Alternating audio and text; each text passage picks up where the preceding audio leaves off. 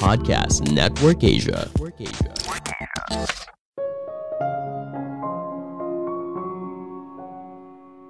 Tidak semua hal dalam hidup bisa kita kontrol. Memahami hal ini bisa buat hidup kita lebih bahagia. Halo semuanya, nama saya Michael. Selamat datang di podcast saya, Sikutu Buku. Kali ini saya akan bahas buku A Guide to the Good Life karya William B. Irvin. Sebelum kita mulai, buat kalian yang mau support podcast ini agar terus berkarya, caranya gampang banget. Kalian cukup klik follow. Dukungan kalian membantu banget supaya kita bisa rutin posting dan bersama-sama belajar di podcast ini. Buku ini membahas bagaimana filosofi stoikisme bisa menjadi panduan untuk menciptakan hidup yang bahagia. Coba bayangkan skenario ini. Kamu sedang mengantri untuk membayar di kasir swalayan, tapi kok sepertinya nggak gerak ya? Apakah kamu mulai kesal dan marah? Apakah kamu sambil mengumpat dalam hati, kenapa sih konsumen lain lama banget? Jika kamu pernah berada dalam situasi tersebut, pasti kamu sadar kalau rasa frustasi ini bisa bikin kamu bad mood dan menguras energi. Namun pertanyaannya gini, apakah hal ini perlu? Apakah dengan marah bisa membuat antrian kamu lebih cepat? Di Yunani kuno, ada kumpulan filsuf yang di kemudian hari dikenal sebagai kaum stoik.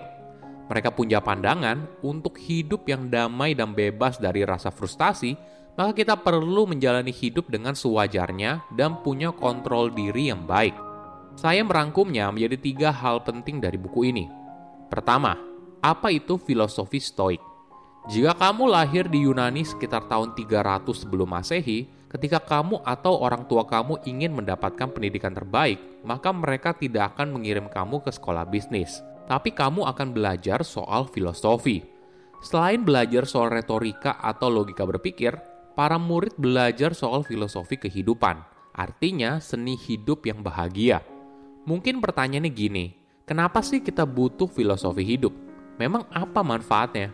Memiliki filosofi hidup itu seperti kita punya peta jalan soal hidup. Filosofi ini akan mendorong kamu mencari tahu apa yang kamu inginkan dalam hidup. Pada akhirnya, kamu bisa mengutarakan dan mendefinisikan apa tujuanmu lebih pentingnya lagi, ketika hidup kita menjadi lebih terarah, maka mungkin saja tidak banyak hal yang kita sesali ketika kita tua. Ada pertanyaan yang menarik. Hidup seperti apa sih yang dikejar oleh kaum stoik? Sederhananya, mereka ingin hidup yang penuh kebajikan dan damai. Dua hal ini menjadi jangkar untuk mencapai hidup yang bahagia. Oke, kita bahas satu-satu ya. Jika kita bicara soal kebajikan, ini bukan berarti kita mendedikasikan 100% hidup kita untuk kegiatan amal atau menjadi sukarelawan. Bukan itu. Bagi kaum stoik, hidup dengan penuh kebajikan artinya kita menjalani hidup sebagaimana kehidupan itu sendiri. Contohnya gini, manusia punya sesuatu yang membuatnya berbeda dengan makhluk lain. Kita punya kemampuan untuk bernalar perbuatan kita tidak berdiri sendirian, tapi apa yang kita lakukan juga berdampak bagi hidup orang lain. Inilah yang perlu kita pikirkan baik-baik. Hidup dengan penuh kebajikan artinya kita menghormati orang tua, punya empati kepada orang terdekat, dan juga lingkungan sekitar. Selanjutnya, kita akan bicara soal kedamaian. Bagi kaum Stoik, kedamaian tidak sama dengan kekosongan tapi kedamaian dicapai dengan menghilangkan semua emosi negatif dan pada akhirnya memberikan ruang bagi emosi positif untuk bersinar. Contohnya gini, ketika kamu sedang terjebak dalam kemacetan dan amarah kamu mulai memuncak, apabila kamu menjalani filosofi stoik, kamu akan sadar kalau kemarahan yang kamu tunjukkan kepada kemacetan merupakan hal yang sia-sia.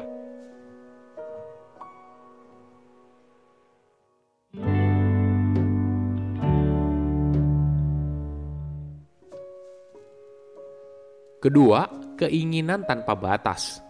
Manusia pada dasarnya punya keinginan yang tiada ujungnya. Kita selalu berusaha menginginkan sesuatu lebih dan lebih. Bahkan ketika kita sadar kalau mendapatkan hal tersebut tidak serta-merta membuat kita bahagia. Psikolog yang bernama Shane Frederick dan George Lowenstein menyebut fenomena ini sebagai hedonic adaptation. Siklusnya gini, kamu lagi pingin punya sesuatu, misalnya jam tangan baru, TV baru, tas baru, dan sebagainya. Lalu kamu membelinya dan menikmati barang itu sementara waktu.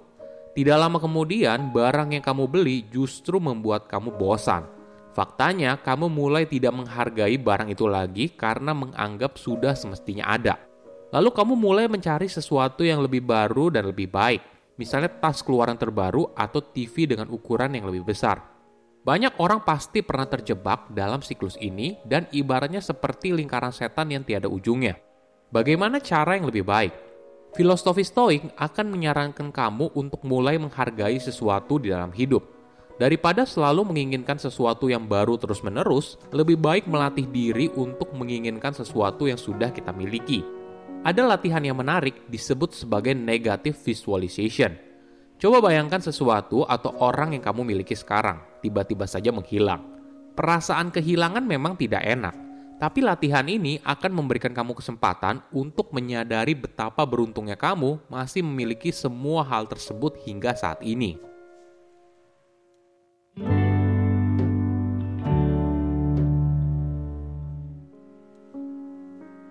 Ketiga, belajar untuk bijaksana.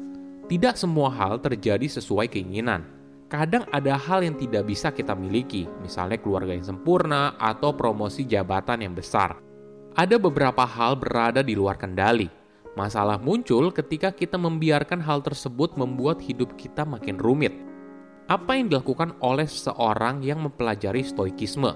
Orang ini akan memisahkan antara apa yang bisa dikontrol dan tidak bisa dikontrol. Dari situ, mereka tidak akan menghabiskan waktu untuk sesuatu yang tidak bisa mereka kontrol dan fokus untuk mencari kebahagiaan hanya pada sesuatu yang berada dalam kontrol. Sebagai contoh, misalnya tiba-tiba saja hujan besar. Nah, hujan ini tentu saja berada di luar kontrol. Oleh karena itu, jangan biarkan hal ini bikin kamu kesal Ketika kamu membiarkan hal seperti ini membuat kamu kesal, maka bisa membuat hari kamu jadi buruk. Tapi bagaimana untuk sesuatu yang tidak 100% bisa kamu kendalikan? Misalnya dalam sebuah permainan bulu tangkis. Karena menang kalah itu bukan 100% ada di tangan kamu. Maka kamu tidak perlu mengejar untuk bisa menang. Loh, terus apa? Fokusnya adalah internalisasi tujuan yang bisa kamu kontrol, yaitu bermain tenis sebaik-baiknya sesuai dengan kemampuan kamu. Jadi, walaupun misalnya kamu kalah sekalipun, maka kamu tidak akan terlalu bersedih karena kamu sudah melakukan yang terbaik. Bagaimana apabila kita ketemu orang yang nyebelin? Jangan biarkan kondisi ini merusak kedamaian kamu. Mungkin kamu bisa melatih diri kamu dengan mengingat kalau kita semua pasti punya salah.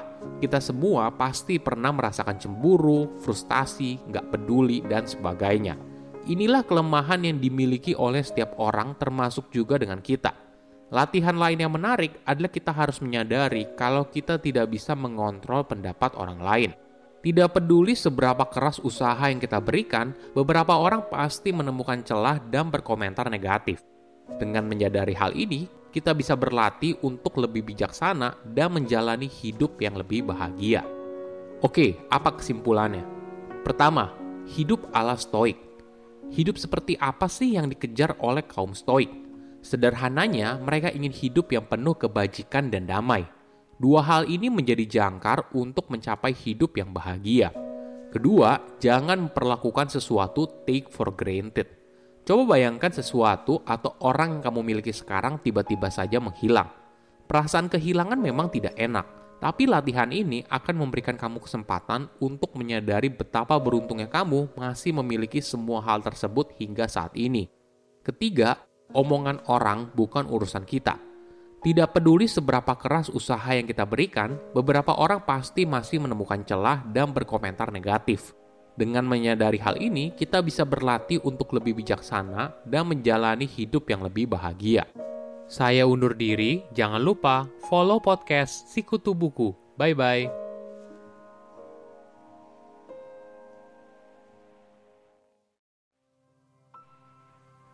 Pandangan dan opini yang disampaikan oleh kreator podcast, host, dan tamu tidak mencerminkan kebijakan resmi dan bagian dari podcast Network Asia. Setiap konten yang disampaikan mereka di dalam podcast adalah opini mereka sendiri dan tidak bermaksud untuk merugikan agama, grup etnik, perkumpulan, organisasi, perusahaan, perorangan, atau siapa pun dan apa pun.